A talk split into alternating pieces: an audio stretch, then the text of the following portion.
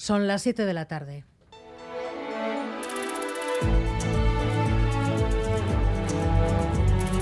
Gambara con Arancha García.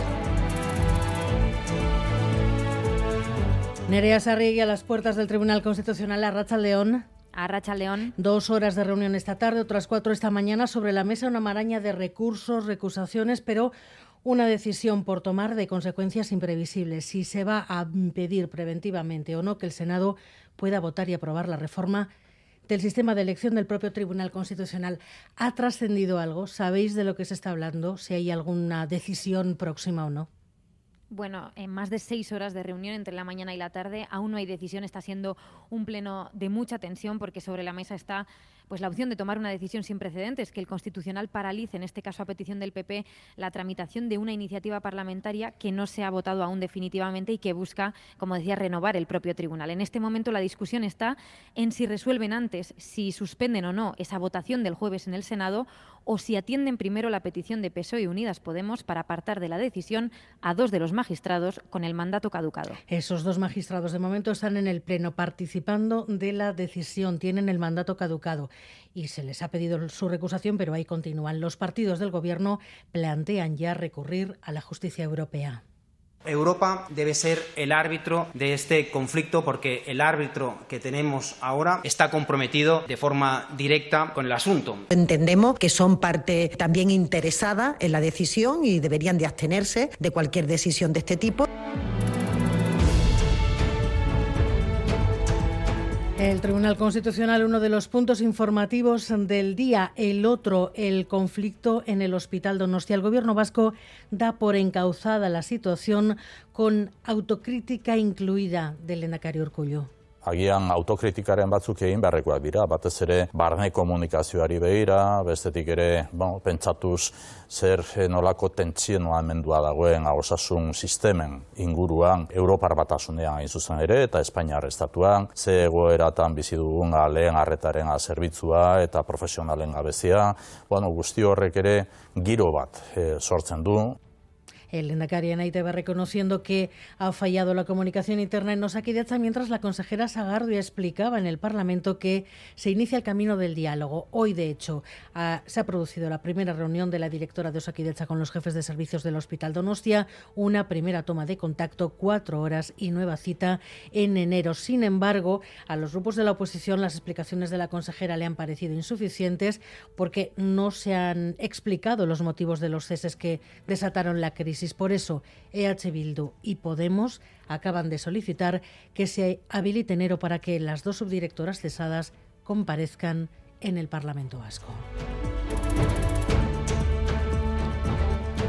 Venden la leche y los yogures por la mitad de lo que luego se vende en los supermercados. El pollo, la miel, los pimientos de Guernica no llegan al 30%, los tomates al 20%. Los baserritarras denuncian los márgenes excesivos que comercios y grandes cadenas aplican a los productos alimentarios locales. EMBA asegura que el apoyo al producto local se está usando solo como gancho publicitario.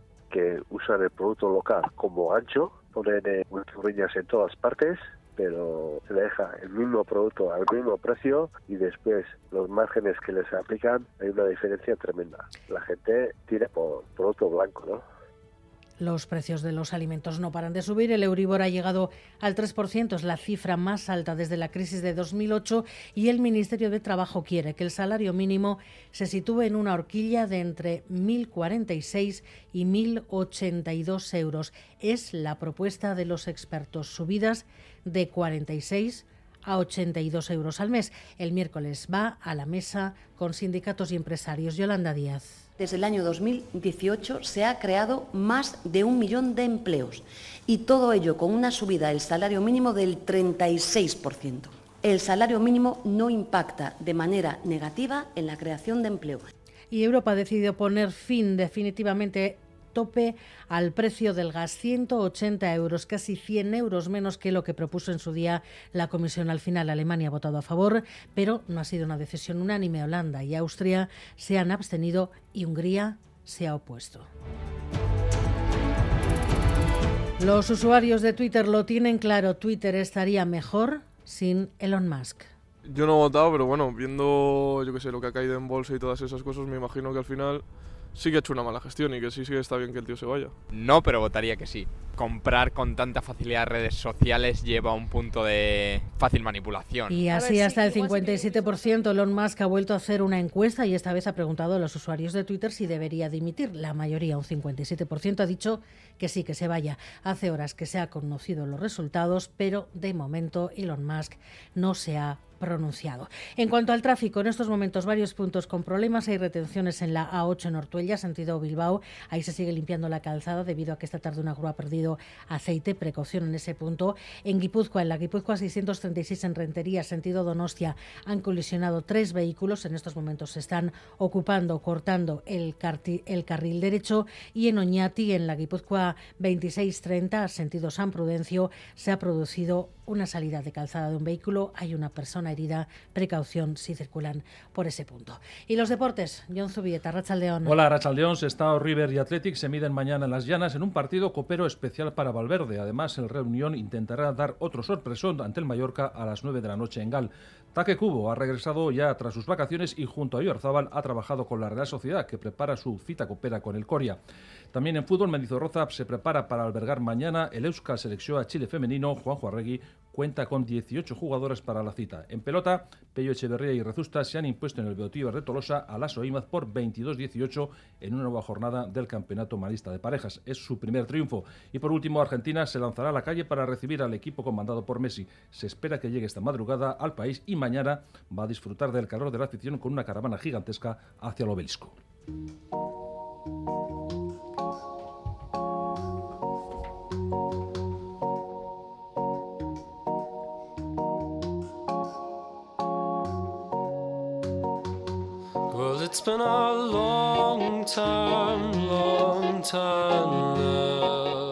Animó en el palco, saltó al campo, consoló a los jugadores, jugadores que por los gestos estaban a otra cosa.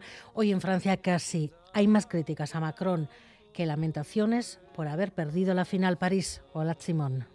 A Aldeón, inédito en un presidente y muy criticado en los medios el salto al terreno de juego de Emmanuel Macron anoche en Doha, solo minutos después de la derrota de Francia.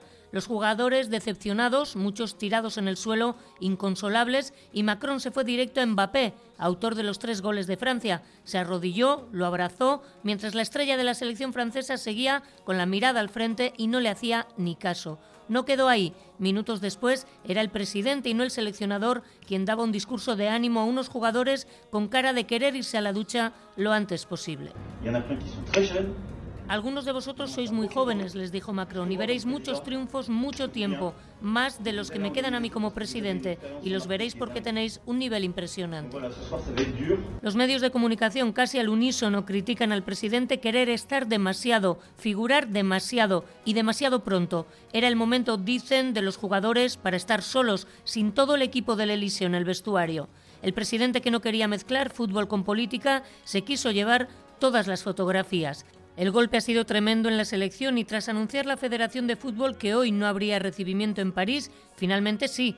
No desfilarán por los campos elíseos como es habitual, pero los jugadores sí aparecerán en la Plaza de la Concordia para agradecer el apoyo de sus seguidores en todo el campeonato.